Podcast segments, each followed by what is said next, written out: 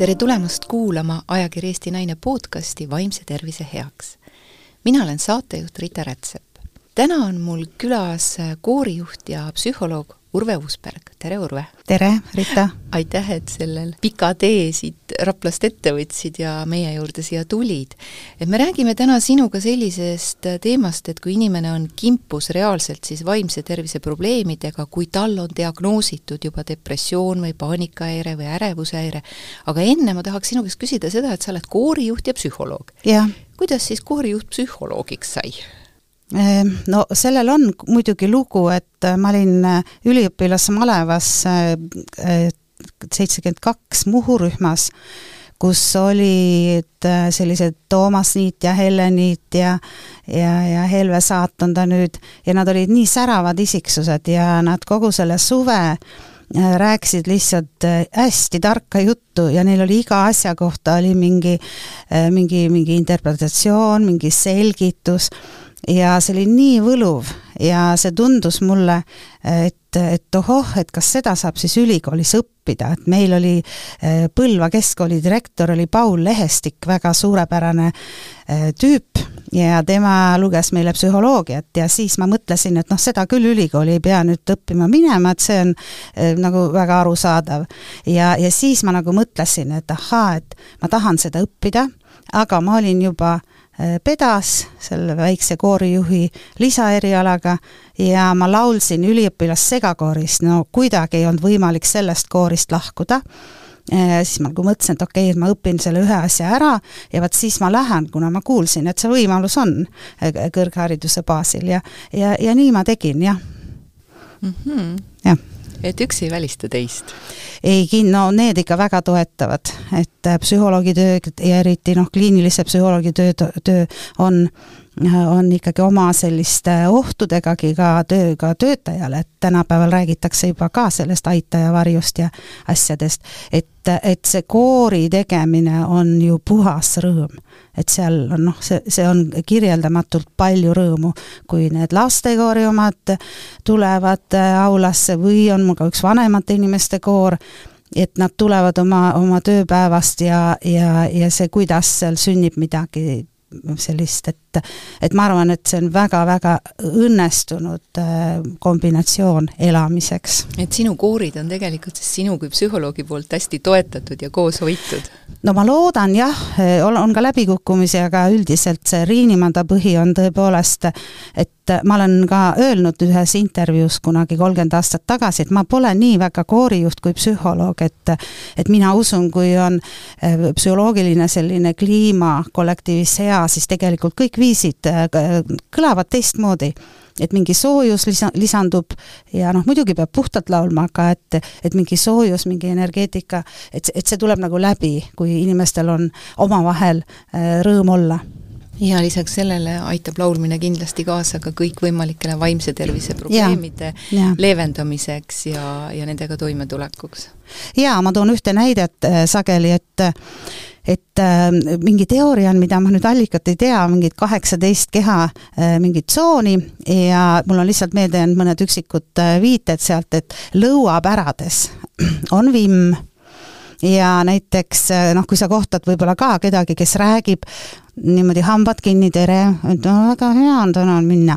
et, et siis tal on juba, see vimm on teda kahjustanud, aga kui ta tuleks koori, siis ta ei pääse sellest, et ta peab lahti laulmisele oma suu lahti tegema ja siis tal tekib see harjumus ja, ja, ja, ja siis ta hakkab kontrollima seda vimma ka jaa, sellepärast et pinges kehas tekivadki kõikvõimalikud probleemid, aga lõdvestunud kehas seda kuidagi tekkida ei saa, sest seal energia lihtsalt liigub. jah väga hea, siis, siis see koorijuht ja psühholoog, siis teisel pool lauda istub näitleja ja psühholoog. absoluutselt, ma arvan, need on väga, väga hästi kombinatsioonis samamoodi. meil on siin väga hea kombo, nii et, et äh, vaatame siis, mis me, mis me meie, meie kuulajatele täna pakume, aga tõesti, me leppisime kokku, et me räägime täna äh, reaalselt äh, sellest, kui inimene on saanud diagnoosi.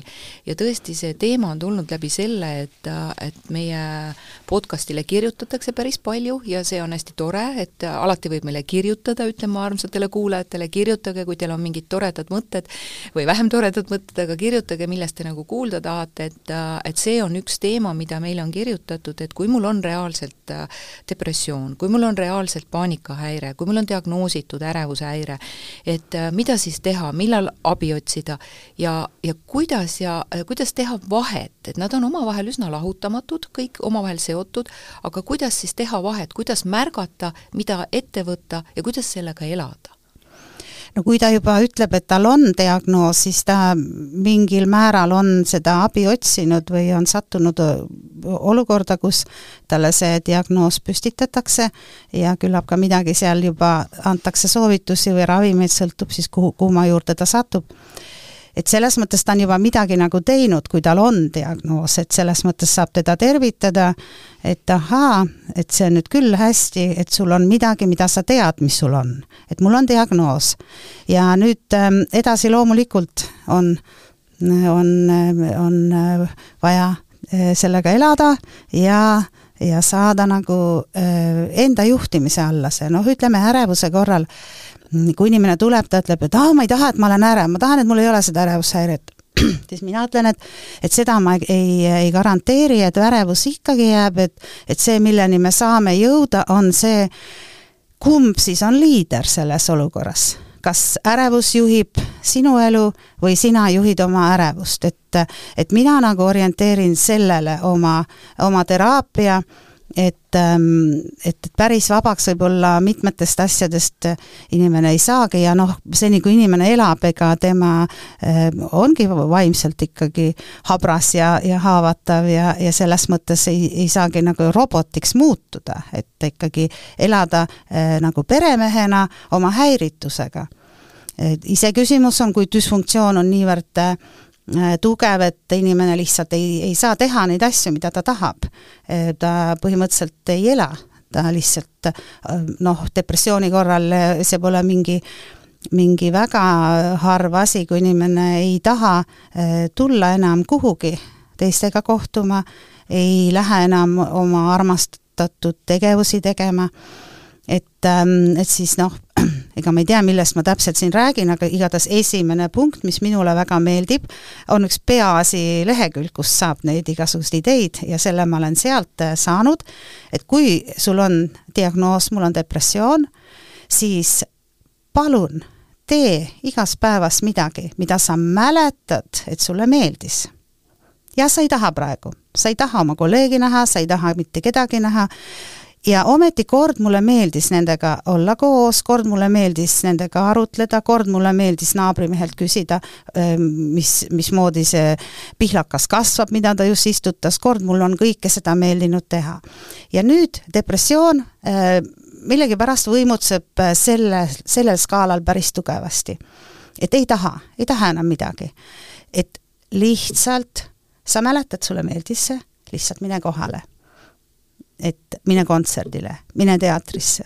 jah, sul on tühjuse tunne, see nagu kirjeldab depressiooni hästi tugevasti, sihuke sisemine tühjuse tunne, mõttetuse tunne, ja mine ja täida sellega, et sa lähed lihtsalt kohale.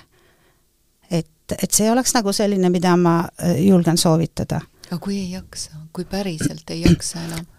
No see on nii küll, ma äh, just äh, lugesin seda äh, Pajula lehte, mul tuleb ilusti koju see Tähenduse teejuht ja ta tutvustas Airi Värniku raamatut ja ma siin, siin majas sain osta selle kohe, Depressioonil on mitu nägu. Ja sellest tutvustusest ma võtsin selle, tõepoolest depressiooni saab kokku võtta väga lühidalt, tuju pole, huvi ka pole ja jaksu pole. ja nüüd see, mis sa küsid, ma saan aru, et, et kui jaksu ei ole et ähm, noh, ma, ma kujutan ette, et et mingi jaks tal ometi on olnud, kui ta on ikkagi jõudnud sinna kohta, kus ta sai diagnoosi. nüüd äh, ilmselt saab ta kutse tulla veel tagasi, et, et seda nad, ütleme, minu kogemus ütleb, et nad ikkagi tulevad kohale. et ähm,, et nii palju ta jaksu nagu saab. no siis äh, on võitlus lihtsalt selle mälestuse, et mulle tegelikult meeldis Hannaga rääkida. Hanna helistas, ütles tule ka. siin on nüüd see täht, tähtis ka, et inimesed ei jätaks neid üksi et väga raske on kaaslastel eh, hoida kontakti, kui kontakti, eh, kontakti ei võeta vastu, öeldakse, mind ei huvita, ära hakka helistama mis mõte sellel on, ma tean ise, mis ma teen ja paneb toru ära, noh. aga siis see... teisel poolel ju ka tekib, et mitu, ma kutsun teda juba mitu korda, aga ta ei tule sealt välja, ei ja. tule välja. ja, ja see teine pool, kes tahab olla hea sõber või, või kolleeg mm -hmm. või ka naaber, ta lihtsalt ühel hetkel annab alla, ta, ta ei no ärgu andku, temal ei ole ju depressiooni. et, et siin on nüüd see, ka see noh, nagu see teadlikkus, et mis on depressioon. et äh, see on nüüd see koht, kus äh, see hea sõber või naaber saab rakendada enne, enda kohta seda, et ma ei võta isiklikult ma ei võta isiklikult. ma mäletan aastaid tagasi esmakordselt hakkasid inimesed selli-, noh, sellise pöördumisega tulema eh, kliendid, et eh, neil on lähedane raskes seisus, ta on haige ja ta on noh, nagu vanu, vanus ja kõiki asju ja ta käitub nii halvasti meiega, et et ta karjub ja, ja teeb kõiki asju ja nagu noh, et hästi suured sellised eh, noh, nagu ebakõlad olid, tekkisid seal perekonnas ja suguvõsas. ja siis minu kogemus on mõnel korral, et kui ma nagu peegeldasin seda, et, et see on loomulikult raske, nagu, nagu lubasin seda.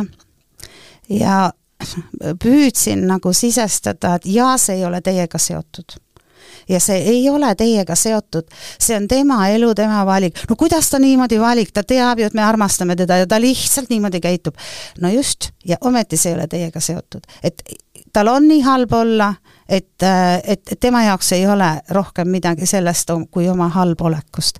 no siit läheb nagu jutt, tuli nagu see mõte, et et noh, mis on depressioon nagu sellises kergemas äh, kujus, et äh, kui inimene äh, hästi palju mõtleb endast ja tegeleb endaga ja ütleme, ohustatud on depressiooni korral ka sellised inimesed, keda me näeme väga edukatena ja väga võimsa sellise tegutsemisega, et neil on ka see mingi sisemine enesele suunatud perfektsionism väga kõrge.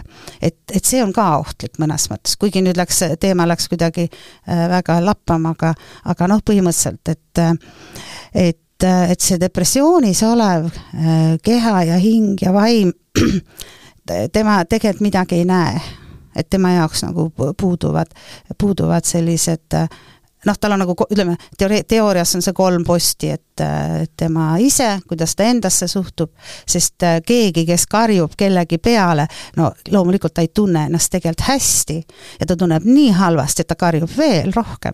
et, ähm, et see nagu selline, äh, selline nagu kumuleeruv äh, protsess inimeses, kes tegelikult halvasti käitub teistega, et ta hakkab ennast väga halvasti tundma ja noh, depressioonis on neid episoode ju palju, mis mis nagu toidavad seda enesekuvandit ja ja see üks, üks selline suur asi ongi, et kuidas inimene suhtub endasse. et depressioonis, depressioonis olles inimene suhtub endasse päris halvasti, siis kuidas ta suhtub oma äh, kogemusse, oma minevikku, oma elusse et, ähm, et see, see on nagu, nagu, nagu kongur-, kongruentne või ma ei tea, mis sõna see on, selline, see, et kui ma suhtun endasse halvasti, mul on kõik halvasti, siis ma mäletan, et asjad olid ka halvad. et noh, et see, mina olen enda puhul ka näinud, et no mingi, mingis äh, halvemas meeleolus ma kuidagi äh,, mälu nagu toob esile mingeid äh, episoode, mis mis ei ole väga meeldivad. et, et noh, et kuidagi see on seotud ja, ja, ja kolmas on siis tulevik, et kuidas ta näeb, et kas see õudus lõpeb et äh, reeglina nad ei, ei nagu ei näe tulevikku, et see võiks muutuda. No vot, ja siis sellises, äh, sellises keerukuses see inimene on, et see on, tema jaoks on väljapääsmatu täiesti kõik see. ja nüüd, kui me oleme seal kõrval, siis see ei ole meiega seotud, me otsime äh, kommunikatsioonis mingeid võtteid, näiteks räägime läbi enda ainult et me ei hakka ütlema, no mis sa vingud, mine, mine kõnni, sa tead küll, et liikumine ju näi-, aitab ja ja aju aktiveerub ja, ja kõik saab korda, et sa pead liikuma. et see ei aita, see, see nagu see direktiivne äh, nõuandmine, et noh, minu hinnangul see ei aita, kui ma räägin läbi enda või räägin läbi puutujad, et noh, et et, et naabri Villu oli olnud depressioonis ja kujuta ette, ta hakkas käima äh, mingi kaks kaksteist kilomeetrit päevas. käis ja käis ja, ja, ja vaatan nüüd, et ta täitsa liigub, et noh, see on nagu mingi selline ütleme, murdeealistega äh, saab seda puutajat pidi asja äh, või lastega või kuidagi räägid, et et aa, seal on mingi üks poiss on nii lühike, ei tea, kas ta hakkas vara suitsetama või mingeid selliseid noh, ma ei ütle, et see on parim viis, aga, aga mõnikord on neil mõjusad. ja läbi enda et, et ma olen mures, ma, ma väga tahan aidata, mul ei ole mingeid oskusi, vastus tuleb, et no mis, sul ei olegi midagi, see on minu elu. no just, ja, ja ma tahan, et sa tead, et ma olen olemas ja ma nüüd helistan sulle. ma nüüd helistan sulle. ma helistan iga, iga kolmapäev sulle kolmest, ei, mul ei ole vaja su helistamist midagi. no kui ta juba niimoodi ärritunult ütleb, siis on lootust, siis tal on ikkagi mingid tunded, aga kui ta on noh, selline nagu, nagu, nagu jah, nagu selline äh, elutu, et siis on igatipidi raskem ja ometi, ometi me ei ole kõikvõimsad ja ometi ma ei loobu, ometi ma ei heitu. et ma olen lihtsalt kohal, ma reflekteerin, ma peegeldan ja, ja ma ei tegele endaga. noh, põhiline on see, et kui me tahame kedagi aidata, siis oh, ei tea, kas ma teen õigesti. noh, Leinaga on see väga nagu hästi näha, et kellelgi on keegi surnud tuleb vastu, mõtlen, ai, issand jumal, äkki ma ütlen midagi valesti, äkki ma teen midagi valesti, oi, ma ei tea ju üldse, mida ma pean tegema. no mis tähtsus sellel on, see, see on ju tema lein ja, ja ma lähen südamega ja teen, mis ma teen ja võimalik, et äh, see ei ole õige, aga ma ei, ma ei saa seda nagu endale seada äh, põhiliseks asjaks, et jumala eest ma midagi valesti teeks, see on nagu endaga tegelemine, et ma nagu keskendun endale sel hetkel ja see blokeerib äh, ka niisugust abi, abi ol-, olukordades, et me hakkame nagu äh, liiga palju endaga tegelema või võtma isiklikult neid reaktsioone jaa, seda olen mina ka päris tihti näinud, kus inimesed nagu kurdavad, et et tema lähedane sugulane, sõber, kolleeg, et ta, et tal on kas siis diagnoositud depressioon ja et kuidas ta siis ennast kokku ei võta, et see on ju nii lihtne mm,, yeah. et sinu ajule see on lihtne, aga see, kuidas töötab teise inimese aju, kuidas tema ressursid on ära ammendunud, meil on erinevad vastupanuvõimed, meil on erinevad lapsepõlved, meil on erinevad kogemused, ja me kõik olemegi üdini erinevad. et võib-olla sa tooksid välja selle, et see on hästi hea, et sa, just ütlen vahele, et sa ütlesid seda, et ära võta isiklikult, et ole lihtsalt olemas. ole lihtsalt olemas ja tee seda, mida sina tunned. aga, aga kui me võtame selle, et inimesel on tõesti reaalselt äh, siis diagnoos, noh, praegu me võtame siis depressiooni yeah,, eks ju okay., jah, et kui tal on nüüd reaalselt äh, diagnoositud depressioon ja see teine inimene seal kõrval, ükskõik siis, kas tema on lähedane või vähem lähedane inimene, äh, näeb seda inimest ja tema ei saa aru sellest, mis teise sees toimub. et mis võiksid olla need sellised märgid, äh, mida tema see nii-öelda kõrvalseisja peaks teadma, et aa, need on need märgid, sellel inimesel on depressioon, mul ei ole mõtet võtta seda isiklikult, mul ei ole mõtet, mõtet võtta seda tavaloogikaga, ma peaksin lähenema talle just nii, et ma ei võta isiklikult, ma lihtsalt kuulan, ma olen lihtsalt olemas ja ma aitan ta sealt välja. mina ei ole päris aitaja nüüd, aga ma lihtsalt ütlen talle, et näed, vot näe, see Vello läks käima sinna, käis kaksteist kilomeetrit või kuule, ma tean, ma lugesin seda raamatut, poeta talle seesama raamatki, mida sa siin mhm. praegu rääkisidki. et, et ükskõik mis või kuule, et mul oli niimoodi, ma ei tea, kas see on ka samamoodi, aga ma tegin seda, eks. et, äh, et mis võiks olla need märgid, mida see inimene kõrvalt võiks tähele panna, et, et siis mitte võtta isiklikult ja mitte hakata ütlema, et ah, mis teil viga mingiks imelikuks on läinud no e, ongi see, et ta käitubki nagu noh, silmnähtavalt halvasti selles mõttes, et on pahur, kärsitu ähm,, ei, ei kannata juttu lõpuni kuulata. Ähm, ja, ja rõõmutu, ütleme, et tekib nagu selline äh, noh, ta nagu ei rõõmusta, et äh, võib-olla inimene tuleb reisilt, räägib, et aa, ma käisin Lissa, Lissabonis, et äge, kus olid mäed ja kõik niimoodi siis ta kuulab, ma ei tea, ma olen ka käinud. et noh, muidugi seda inimtüüpi on ka olemas, kes ei suuda rõõmustada teise rõõmuga. aga, aga depressiooni korral on see ilmselt välistatud, et, et miski asi teda te, tegelikult ei huvita ja noh, sõltub nüüd lastetoast, sõltub nagu üldiselt kultuurist, mm, no me tunneme ka naeratavat depressiooni, et seda me ei tunnegi ära, jah, et, et, et see on nagu selline inimese enda vastutus, et ta peab enda eest hoolitsema, aga, aga kõik sellised pahuruse märgid ja noh, no ka laste puhul, et kõik need käitumishäired, mis võivad esineda, et mi-, seal võib olla väga, väga palju sellist depressiivset energiat hoopis, et ta on nii pettunud endas ja aga põhimõtteliselt jah, selline noh, ei ole meeldiv temaga olla koos ühes ruumis, et aga see on nagu siis jah. tavapärasest teistsugune käitumine ka? ja see muutus on küll väga väga tähtis jah, ja muidugi noh, muutus, muutuse fenomen on ka enne enesetappu, et eh, siis eh, nende käitumine ka muutub silmnähtavalt, aga seda kõik saavad aru tagantjärele, et see on paraku niimoodi. aga ütle, kuidas see muutub, et ei muutub, peaks tagantjärele aru ta saama? muutub reipaks selliseks ja, ja nagu selliseks, kõik on hästi ja, ja, ja tal on te tekkinud mingi ja tal on idee, ta on nagu, noh, minul on olnud äh, kogemus, kus ma väga isiklikult elasin üle ja siis mind nagu huvitas kõik see, et äh, kuidas see ei tundnud ära, kuigi tagantjärele ma kõik tundsin ära ja, ja kõik see selgus, pilk on selge, kõik on väga, väga kindel ja ütleb äh, noh, vanematelegi, et kõik on hästi, ärge muretsege ja, ja kõik, kõik sellised, neid, neid juhtumeid on mitmeid selliseid. ja, ja see on äh, no põhiline on see, see Soome pastor äh, Hannu Rönko on üks äh, meie kauaaegne äh, sõber usaldustelefoni päevadest, et et temalt ma nagu küsisin, et kuidas tema nagu vaimulikuna seda näeb.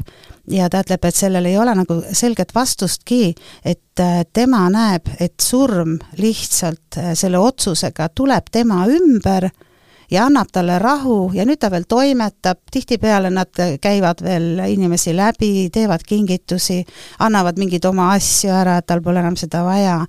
ja see on selline väga selge, tuleb praegu meenub mulle ühe, ühe, ühe seitsmendiku, ühe lapse juhtum, kus ta oli selline väga norus ja kühmus seljaga ja siin natuke kiusatud ja kõik ja, ja ühel hetkel ta oli hästi nagu reibas ja julges öelda vastu ja kuidagi niimoodi, et see oli väga suur muutus. ma ei väida, mul ei ole nagu, ma ei ole neid allikaid nii palju lugenud, aga see käitumise muutus ikkagi eh, just sellise nagu jõudluse suunas eh, võib olla üks selline ohumärk, et kui ta on kogu aeg tujust ära, kõik on halvasti ja ühel hetkel Eh, ta, ta on nagu, kõik on hästi, kõik on möödas, et ja see, seal on nagu eh, kaks asja võib juhtuda, et eh, me lähedastena no lõpuks ometi, lõpuks ometi on see õudus möödas ja me kaotame tegelikult valvsuse mõnes mõttes, sest me oleme nii väsinud sellest kes ikkagi päriselt lähedal on, see on väga kurnav. et see nõuab, see on nagu mingi kasvamise, et seda saab endale sõnastada nagu peegeldada, see on minu kasvukoht praegu, et ma olen selles olukorras selle inimesega, see on minu kasvukoht nagu noh, see ongi nagu budistidel on see, et kas meeleheide või tänulikkus.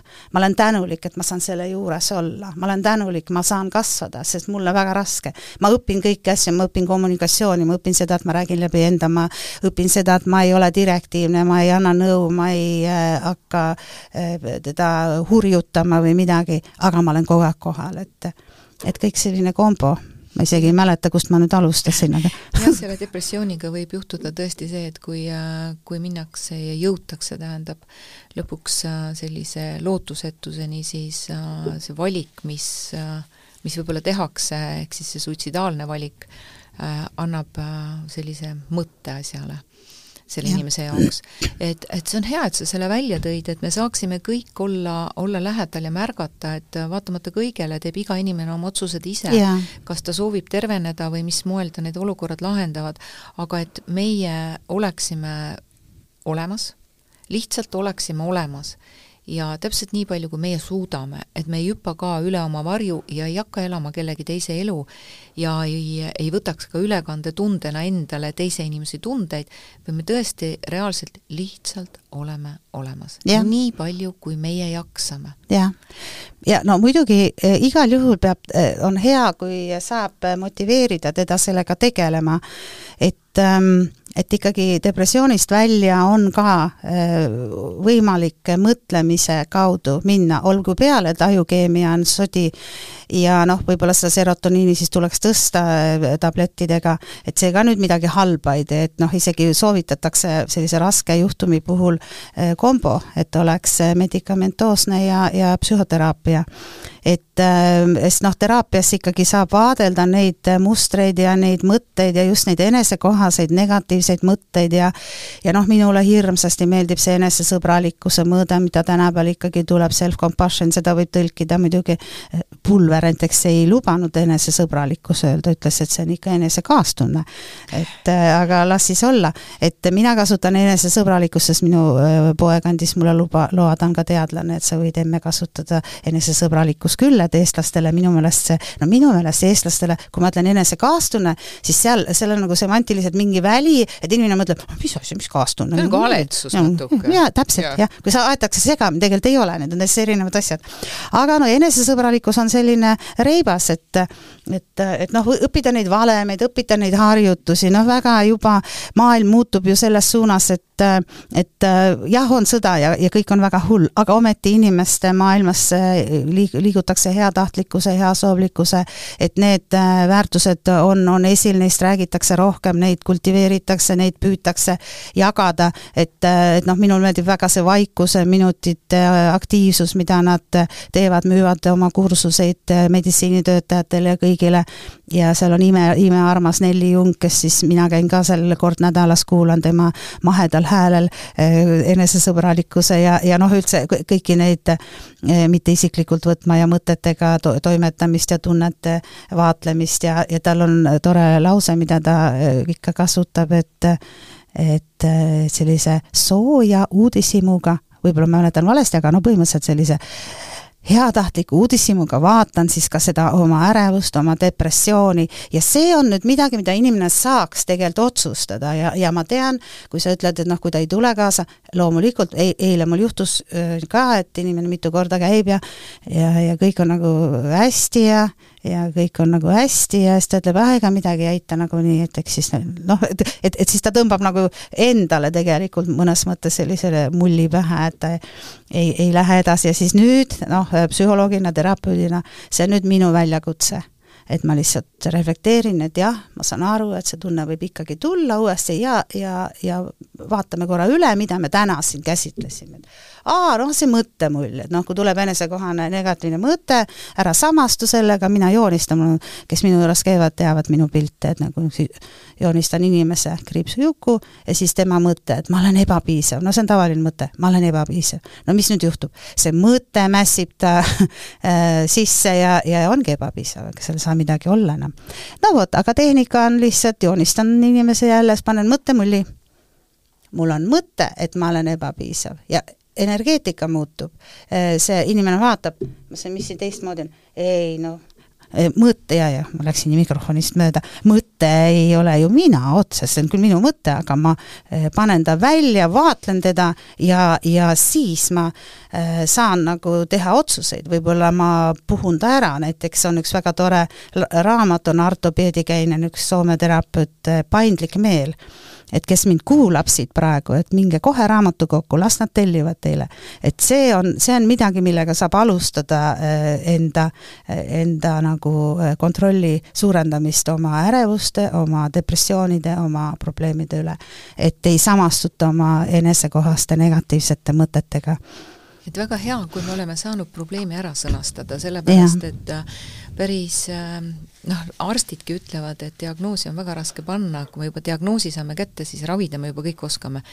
et kui inimene on tegelikkuses saanud ka selle diagnoosi või praegu siin kas või meid kuulates äh, on, on enda või kellegi lähedase suhtes, et jõudnud sellise mõtteni, et aga äkki ta peaks minema kellegi juurde ja võib-olla tal oleks vaja seda diagnoosi, sest inimesed tihti kardavad seda diagnoosi ja nad arvavad, et, et siis midagi juhtub, et ta on siis veel halvem, kui ta, kui ta praegu ennast tunneb, et siis tema ongi kohe, siis ongi kõik läbi, et tead, ei ole. tegelikkuses me, mis sinuga mõlemad võiksime siin julgustada inimest, et kui ta tõesti tunneb, et äh, ta kuidagi tavapärasest teistsuguselt käitub või funktsioneerib või keegi sinu lähedal olev inimene seda teeb, siis julgustada abi küsima, et äh, see diagnoos on üks abivahend saada abi. ja, ja, ja, ja see teine mõte juurde, et, et kui nüüd see tõesti on diagnoos pandud ja, ja minnakse siis abi otsima, siis tegelikkuses nagu klammerdutakse natuke selle abiandja külge, et tema nüüd tuleb, teeb mu korda ja, ja tahetakse ruttu saada, siis uskuge mind, see võtab aega ja, ja tihti öeldakse, et ah, ma käisin selle juures ja see ei aita mind. mine ikka mine ikka veel, kui see inimese keemia ei sobi sulle, see mm -hmm. inimene ei sobi sulle, siis tuleb vahetada mm -hmm. ja Mhm. see on okei okay,, et tuleb vahetada. sellepärast, et meil ei sobi ikka kõik inimesed ja, ja võib-olla kõik metoodikad ei sobi. aga otsi keegi, kellega sa klapid ja lihtsalt mine kohale, isegi kui sa täna tunned, et ma ei jaksa ja mul ei ole midagi rääkida ja see nagunii ei aita ja kõik sellised mm. -hmm. toredad mõtted, mis siin tuleb, toredad muidugi jutumärkides, aga mine kohale, mine lihtsalt kohale ja, ja see hakkab lõpuks tööle, see hakkab lõpuks tööle ja mõtlemine on üks üks olulisemaid asju. ma toon siia veel ühe, kes on meid varem kuulanud ja kes meid varem ei ole kuulanud, aga aga otsige välja Kati Orava äh, kritseldamise saade, et äh, Kati räägib seal väga ilusti sellest, kuidas nende mõttemullidega toimetada Jaa, yeah, kuidas see endast õige. välja kirjutada just, et sa tõsta see endast välja mm. -hmm. siis sa oled nagu natukene vaatleja ja sa nagu rollis. kontrollid seda rohkem, mitte Jaa. mõte ei kontrolli sind, vaid sina kontrollid mõtet. no päeva lõpuks olen ju mina boss eks mina loen raamatuid, mina teen seda, raamaturiiul ei kuku mulle pähe, ei loe mind, mina loen Mm. et aga sellel hetkel on, kui see olukord on nii hull, siis äh, tundub nagu kontroll on ära antud Jah. käest. no seal, seal tulebki see ärevuse teema mõõde, et et, et see ärevus ongi ikkagi kontrollitunde kadu, nagu subjektiivse kontrollitunde kadu, et et seal on ka omad tehnikad, kuidas seda taastada ja aga räägi paari sõnaga ärevusest nüüd, et noh, ärevus on ju iseenesest tegelikkuses ju nagu vajalik, sellepärast No et elus, see ohutunne ju, jah kui meil ohutunnet mm -hmm. ei Mhm. oleks, siis no siis meid ei oleks, eks. et, et ärevus, depressioon, paanika, nad on kõik omavahel natuke nagu seotud. no ka stress, ütleme stressreaktsioon ja, ja ärevus, et seal on, on ju nagu sarnased sümpt-, sarnane sümptomaatika, et võib-olla lihtsalt ärevuse puhul ei ole see objekt, mille puhul ärevust tu-, tu-, tuntakse nii selgelt äh, olemas, et äh, tihti on nagu kujutlustes tulevikus, et mis kõik halvasti võib minna ja siis tõusebki ärevus nagu ütleme, organismis nagu tekib stressreaktsioon, et kuidas ennast kaitsta selle eest ja aga noh, mina, mina kasutan seda kontrollimõõdet ikkagi, et et tuleb kogu aeg see skaala kanda peas nullist kümneni ja, ja mõõta. Et ähm, noh, palju sinu ärevus praegu kümnesel skaalal on, on näiteks? kolm. Jah, mul on ka umbes kolm, võib-olla kaks pool niimoodi. et, et ikkagi ma vastutan rohkem natuke siin. äh, okei, et ja, ja see annab sellise kontrollitunde, et noh, kui on midagi väga vastutusrikkast, rikast ees, et, et siis äh, ma ei teagi, lähed äh, dirigeerima kolmekümmet tuhandet või kuidagi, et noh, siis võib see tõusta kaheksani näiteks ja siis lihtsalt nagu ütled, aa, mul on kaheksa, ma lähen nüüd teen selle asja ära. et, et see loob sellise, noh, ta ongi selline nagu kognitiivne tehe, et, et mul ongi skaala, mõtlen, palju mul ärevus on. mina kasutasin äh, mõned ajad tagasi oma meeleolu äh, puhul seda skaalat, sest äh, mul meeleolu ikkagi oli nagu halb äh, mõnikord ja ma olin, mõtlesin ka, et mida ma siis nüüd teen, et ja siis ma hakkasin mõõtma lihtsalt, et ähm, kümme on niimoodi, et on okei okay, ja, ja, ja siis üks on selline, et päris kehva. ja ma ei mõõda mitte seda, kui paha mul on, vaid lihtsalt ma mõõdan seda, kui hea mul on. aa, üks punkt on, no ühte pole mul olnud, kolm on olnud, et, et aa, mu, mu, mu meeleolu on kolm punkti, et okei okay. vaatame, mis ma saan nüüd teha, et, et, et, et seda dünaamikat mõjutada. et noh, ma veel selle eelmise, mis sa, mis sa rääkisid, reflekte-, reflekteeriksin, et, et ma nagu ei usu hästi sellesse, et keegi saab kellelegi öelda, et sul on vaja abi, et, et see on kuidagi selle eh, kontaktiga eh, oleks hea, kui tal tekib see is- ise see, et, et kui ta ikkagi ise tahab minna või ta ise on valmis minema. Et ma ei, ma ei kujuta seda ette, et keegi saaks kellelegi tegelikult äh, väga öelda või, või mis sa arvad, äkki ma olen täitsa vale, valesti mõelnud? ma mõtlesin pigem seda, et, et kui me märkame, kui me märkame okay. oma tuttaval või, või lähedasel inimesel tavapärasest teistsugust käitumist ja me ütleme, et mina olen märganud, sest et va vastutuse mm selle eest, et ma lähen, võtan ikkagi mina ise mm. -hmm. ma võin ju isegi vihaseks saada selle inimese peale, öelda, et valesti märkasid. jaa, see on okei okay., seda ei pea isiklikult võtma. jah, ärme võta isiklikult aga, aga just nimelt see, et ma olen märganud, et sa oled tavapärasest, viimasel ajal tavapärasest nagu nukram või või äh, et mulle tundub, et sa oled väsinum või midagi sellist, et mulle tundub, see on minu arvamus. ja, ja ma olen märganud, et sellega ma ju tegelikult annan inimesele märku sellest, et äh, ma hoolin temast, ma märkan mm. teda okay. ja, ja, ja võib-olla inimene ise on nii selle sees, et tema ei märka seda, sest et nii, nii stress kui tegelikult kõik muud sellised depressioonid, need ju tulevad märkamatult mm., sest me harjume ära, me harjume ära, me harjume ära ja lõpuks käib see klõps, eks ju. et, et ma pidasin märkamise all seda, et, et tegelikult julgelt öelda, kui mina olen midagi märganud. No vot, no vot. kas sa ütled, et see ei ole okei okay.? ma ei tea, et noh, enda pealt saan peegeldada, et, et kuidas mina talun seda või noh, kuidas ma võiksin seda taluda, et, et et ma rohkem usun natuke võib-olla sellesse, et ütleme, kui ma olen depressioonis, siis ma tegelikult käitun väljakannatamatult, ma olen kärsitu ja ma ütlen mingeid häbematusi ja kui nüüd teine ütleb läbi enda, et mind tõesti väga häirib see, et sa mulle praegu niimoodi ütlesid, et ma, ma ei tea, mis see on, et ma ei võta küll isiklikult, aga ma ei, ma ei taha, et sa niimoodi räägid, et ta nagu, et ma peegeldaksin mingeid asju, eh, mis selles kontaktis minu, minule ei ole okei. Okay.. et ainult nagu räägiksin ainult enda ja, ja seal, seal võiks eh, tulla see sild, et et oled sa, noh, ma isegi seda ei kujuta ette, et oled sa mõelnud, kas sa otsiksid abi, ma ei, ma ei kujuta seda ette. ma arvan, et siis läheb teine inimene kohe kaitsesse ja ründab vastu. jaa, aga kuigi ma räägin läbi enda, aga kui ma räägin seda, kuidas tema käitumine minule mõjub, siis ta äh, peaks tegema mingi järeldused, midagi on temal lahti või siis selle käigus, et et võib-olla, et sul on, on midagi rasket on, on midagi, mida, mida ma saaksin teha, see on nagu selline, selline nagu dialoogikultuuri teema, et kuidas seda anda. No kuidas seda anda, et mul ei ole, mul ei ole tegelikult vastust, aga ma, ma, ma nagu enda pealt, et et, et päris raske on inimesel tegelikult, see ongi natuke ikkagi direktiivne, aga võib-olla ka ei ole. jah, ma just mõtlesingi seda, et, et et siin me võimegi natukene ummikusse joosta sellega ja see on okei okay,, sellepärast et, et kõik lahendused ja kõik olukorrad ja olukordade lahendused ja selles olukorras käitumised on alati per case ehk juhtumipõhised, see sõltub alati ka sellest, missugused suhted inimestel omavahel on äh,, missuguses suhtes staatuses nad aga, on. aga võib-olla see ikkagi, ma praegu nagu lähen tagasi, et äh, et ikkagi see ikka on aus võib-olla, et ma ütlen, et et, et mi, mina olen märganud, et äh, mina olen märganud, et sa oled nii kärsitu ja, ja ma olen nagu mures, et on sul kõik okei okay,, et mingi tegelikult see ikkagi, mida sa ütlesid, et, et, et ikkagi võib-olla just see hea, et ma olen märganud ja siis sealt tuleb äh, võib-olla tõesti selline vihane reaktsioon ja seda saab nüüd peegeldada, ma saan aru, et nüüd sa said pahaseks, et ma nii ütlesin. aga mul on nagu... lihtsalt selline tunne, see on kõik, see on minu tunne, sorry, sorry. aga ja. igal juhul on hea peegeldada tema reaktsiooni. mulle no, ka tundub natukene, et see, see võiks olla üks mõttekoht. jah et, et kui teine reageerib, et äh, siis äh, ei võta isiklikuna, ütlen, et okei okay,, ma saan aru, et sulle ei meeldi, et ma niimoodi ütlesin, ma lihtsalt olin mures. sinu asi pole siin muretseda, see on just, ma saan aru, et sa said päris pahaseks.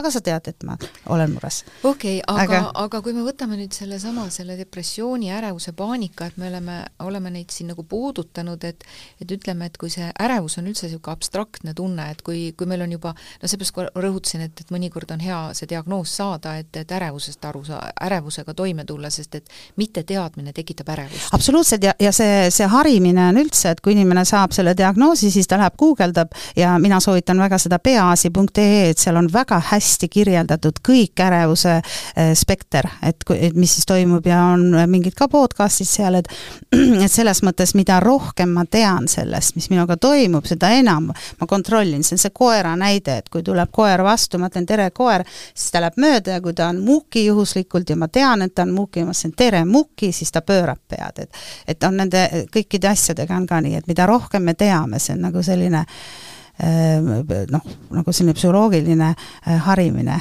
et ähm, no mina ka, äh, ma arvan, et sinagi, et, et igal juhul me äh, räägime palju selle häire olemusest, kui ta tuleb juba diagnoosiga, et see on nagu esimese seansi selline ülesanne isegi, et mida ta teab ja mida ta arvab, et, et mida ta äh, tahab, aga mul, mul on nagu, ma tean, et ma nüüd lähen jälle ära, aga et kui tulid koolides need diagnoosid, no see on minu väga isiklik vaade, et äh, sa võid, võid ju pärast äh, välja lõigata.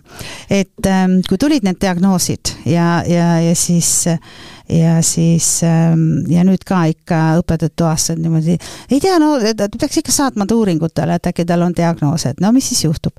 et siis nagu äh, ümbritsevad kuidagi muutuvad laisemaks või, nad ei pea enam pingutama, no ma mäletan, meie klassis oli ka üks düsgraafik näiteks.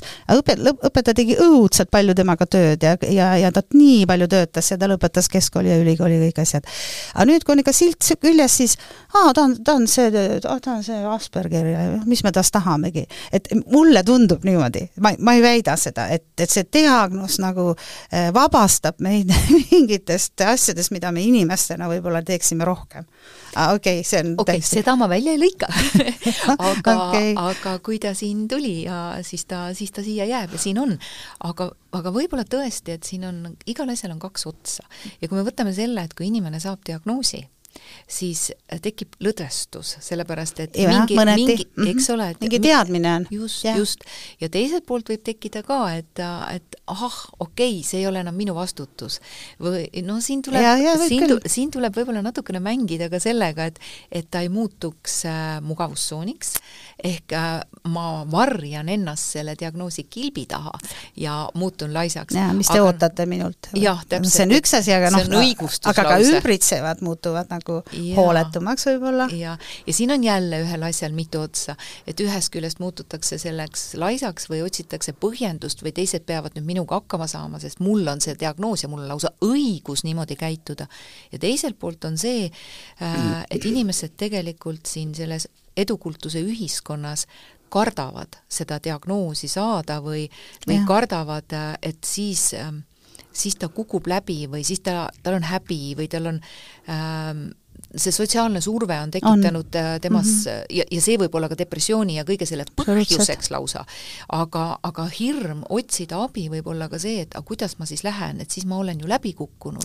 ja see süvendab veel seda, et, äh, et see hirm eksida iga hinna eest, olla edukas iga hinna eest, teha siis noh, niisugune nägu, mis viibki lõpuks mm -hmm. selle naeratava depressioonini, et siin mida arvad sina, aga ma pakun enda poolt praegu korraks veel välja ja eks igal kuulajal tekib ka oma mõttekäik siin, aga kui me mõtleme siin koos, et et kas kõige olulisem siiski mitte ei oleks äh, olla aus, olla aus enda vastu ja mina ise olen kõige tähtsam ja mind ei huvita, mida teised sellest arvavad no vot, aga siis äh, mul on siin üks slaid ees, ma võtsin ka natuke isiksuslikud konstruktid, mis teevad haavatavamaks depressioonile ja üks nendest on sotsiotroopsus. ja, ja see on nüüd need, kes väga hoolitsevad selle eest, et nad oleks teistele vastuvõetavad, et nad ei teeks vigu, et nad meeldiksid, sinna lisandub see sisemine äh, nagu, nagu enesele suunatud perfektsionism, et et, ähm, et need, need, seda tüüpi inimestel ongi nagu see haavatavus kõrgem depressioonile.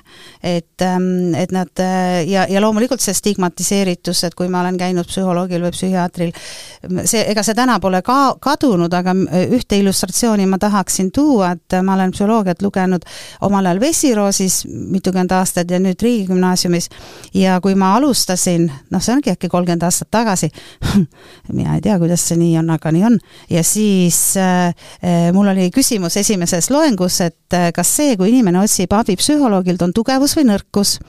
ja no enam-vähem kakskümmend aastat oli, et see on nõrkus no ütleme, statistiliselt tuli. ja siis hakkas see dünaamika, dünaamika muutuma ja, ja nüüd juba on tugevust rohkem kas see ei ole natuke isegi läinud juba selliseks äh, moeasjaks? ma ei tea seda, ma ei tea seda jah. mulle kohati tundub. okei okay,, see on võib-olla linnainimese aga parem ikka.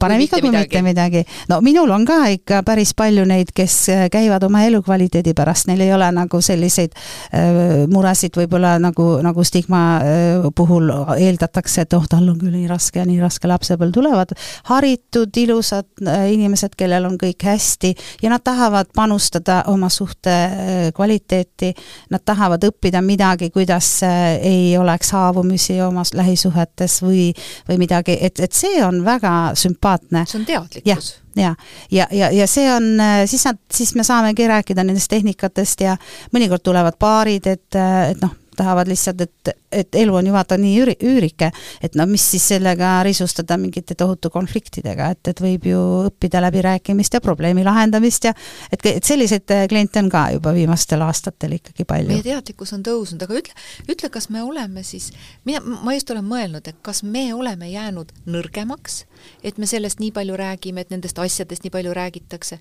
või me oleme saanud teadlikumaks? teadlikumaks ja noh, vaata, kui sa ütled nõrgemaks, siis see on hinnangulisus, et et see nagu ka, eh, see on ja, ja teadlikuks on, on eh, just selline väga, väga hästi, minu, mulle väga meeldib selline, kui inimesed ütlevad, räägivad teadlikkusest, aga et et siin on üks, mis mul tekkis, nagu ma autos mõtlesin, et millest ma võib-olla tahan rääkida, et seda ma tahtsin tuua sisse, kui inimene suudab loobuda hinnangutest et siis ta tegelikult on vaimselt tervem. ja, ja noh, hea küll, ma ei ole see guru, et käige minu sõnade või käige minu tegude järgi, vaid ma olen ikkagi veel õpetaja, ma ütlen, käige minu sõnade, mitte alati minu tegude äh, järgi.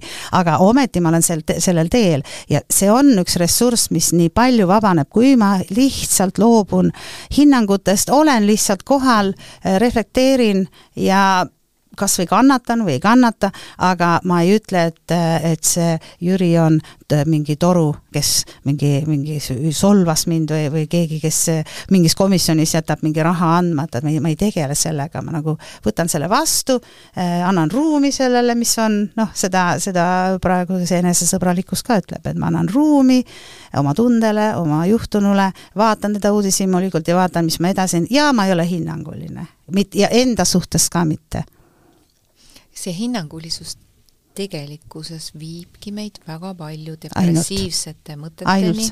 jah, just ja. see hinnangulisus. ja võrdlus, oh, võrdlus. ja võrdlemine võrdlus ka. on, see on nagu, mina olen loengus kasutan seda, teen mürgikarika joonistan, et kohe, kui sa võrdled, võtad lonksu mürki. jah, et see on täiesti garanteeritud, võrdlus on päris halb, Mm -hmm. seda ei pea isegi pikalt lahti rääkima, keegi filosoof võiks rääkida, et mille pärast inimene tahab võrrelda, see on ikkagi sisemine mingi ebakindlus, et ma siis nagu tõstan ennast või ei tõsta või et nagu selline ja see, mis sa enni-, ennistasid siis, et edu, edukultus on ikkagi meil keskkonnas äh, ja, ja noored on, äh, noored on sellega väga-väga seotud, jah et see on tõsine teema tegelikult ja see, et nüüd leevendatakse igasuguseid nõudeid koolis ja ja, ja siis osa on pahased selle peale, et, et, et siin nagu minu hinnangul nagu kõik rapsivad millegagi, et otsivad väljapääsu, sellepärast ja, kõik saavad aru, et on, on äh, umbne. et midagi on vaja muuta ja siis ta olegi natuke selline revolutsiooniline olukord. natukene jah ja.. et vanamoodi enam ei saa, elu on näidanud, et vanamoodi enam ei saa, uutmoodi veel ei, ei osata ja siis see viibki natuke rapsimiseni mm, -hmm. selle asemel, et jääda seisma ja lihtsalt vaadelda. aga ka see edukultus on ju võrdlemine, aga mul on sellele muide väga lihtne seletus. Äh, ma pakun välja lihtsalt, et see on, see on, see on, see on loogika, mida ma arvan või mis on minu jaoks loogiline, ähm, me oleme oma, oma tarkuse ja mõtlemisega siin äh, selles kaasaegses maailmas, aga midagi on äh, jäänud, mis on tulnud evolutsiooniliselt sealt savannist ja, ja, ja see ei ole muutunud, me ei ole tegelikult okay. üldse muutunud. Väga kurb kuulda. Ei ole, mingid baasilised asjad okay. on jäänud, aga pigem ei ole seda kurb kuulda minu meelest, vaid pigem on see, et, et see seletab midagi ära, et kui, kui sa lähed savannis, siis sa peadki ennast positsioneerima. Okay.. sul ongi vaja kogu aeg positsioneerida. Ja võrdlemine on ju see, et kumb on tugevam, kas mind aitavad kiired jalad mm. või ma olen tast üle ehk võitle või, või põgene positsioon. et, et et ma arvan, et need on väga lihtsad impulsid meie sees. no see Ingelhard, üks, üks teadlane on uurinud seda motivatsiooni ja et on ellujäämisvajadused, et need on tõesti sealt savannist, aga on ka eneseteostusvajadused, et kui inimene on ikkagi arenenud teatud, teatud tasemele, et siis ta ikka tema väärtussüsteemi tulevad kõik need valikud, mis on eneseteostuseks. ja eneseteostus, nüüd räägitakse ka seda protsessikesksust rohkem, et et kui sa oled väga tulev, tulemusele orienteeritud, siis äh, jah, teisiti ei saa, kui sa pead võrdlema kas juba enda mingite saavutustega, aga et kui sa oled protsessile äh, orienteeritud ja, ja sa naudid seda protsessi ja sealt tuleb ka kindlasti tulemus, aga ta on sinu tulemus, et teda ei pea nagu äh, võrdlema, aga jah, siin ma lähen rappa, ma ei ole nii tugev psühholoog või see filosoof, et et aga, et, et Ingelhardil on jah, see on väga huvitav teooria, et see ellujäämis, suurem auto, uhkem korter, see on kõik ellujäämisvajadused, mida me ajame, see savanni asi. aga no,, aga mina see... pakun ikkagi välja, et see eneseteostus ongi meid natukene rappa viinud, et, et inimese jaoks on vaja lihtsalt ellu jääda ja me vajame vähem, kui me, me siin tegelikult no aga eneseteostus, eh, sina, sina ju ka oled näitleja, oled psühholoog, mina koorijuht, et see on minu eneseteostus ja ma teen need valikud vastavalt sellele, et ma, et, ähm, et ma võin olla kehvemas, mul on korter, on, mina nimetan ateljeekorter on meile. et ei, ei ole niimoodi väga klanitud ja äh, et, et noh, et, et, et, et need ei ole mulle nii esmased kui see, et et ma saan olla koos inimestega, kellega mul on rõõm äh, teha koos mingeid asju ja, ja, ja see on nagu määrav et ma võiksin ju noh, koore võiks teha ka, valida lihtsalt äh, sellised ainult viisipidajad, kes on noh, niivõrd head, et ma igal juhul saaksin paremat tulemusi. et, ähm, et see, et see on, see on nagu, nagu mõnes mõttes teisene, et mulle lihtsalt meeldib ikkagi see protsess. eks siin on võib-olla natukene ka prioriteetide teemad ja, ja siin ikka. on ikkagi see võrdlemine mingil määral sees, et eneseteostus on see, et mina tunnen ennast hästi, kui ma teen asju, mis mulle meeldivad. aga kui see asi läheb äh, nii-öelda rappa, et eneseteostus muutub äh, kellegiga võrdlemiseks, kellestki ja. pidevalt parem olemisest mm, -hmm, on... kogu aeg iseendale mm -hmm. tõestamisest, et, äh, et ma olen, ma saan edukalt, ma saan, ma saan, ma saan, siis äh, siis läheb tasakaal paigast ära. no ja see ongi, kogu elu on tasakaalu otsimine. just, aga, aga suured tänud, Urve, et vot hea kuulaja, selline jutuajamine meil siin tuli. Ja, ja kindlasti äh, mõtlesid sa meiega kaasa ja naersid meiega kaasa, et, et kõikidel asjadel on olemas iseenesest lahendused. Ja, ja me lihtsalt pakkusime natukene mingisuguseid niidiotsi, et igaüks äh, hakkab seda lõngakera nüüd ise kerima. Ja, ja isegi kui see olukord, mis su elus on äh,, oled sa saanud diagnoosi või sulle tundub, et sa peaksid abi otsima, isegi kui see olukord on sinu jaoks väga hirmutav, väga keeruline ja see tundub sulle, et see, see kestab ja ei lõpe kunagi ja, ja see määratlematus ja see määramatus ja, ja kõik, kõik, mis sellega kaasneb, aga usu mind, see on üks eluperiood ja ka see möödub optimistid on alati väga südamelähedased mulle aga tõesti, lõpetame sellise optimistliku noodiga, et ei ole olemas probleeme, on olemas lahendused. kui sa näed, et on mingi probleem, otsi palun lahendust, alati on kuskil ja, olemas. et ära jää üksi. ära jää üksi ja, ja ära jäta teisi ka üksi. oleme koos mm.. just. aitäh, Urve! aitäh, aitäh kutsumast! aitäh, hea kuulaja, et sa meid ka kuulasid. kõike head!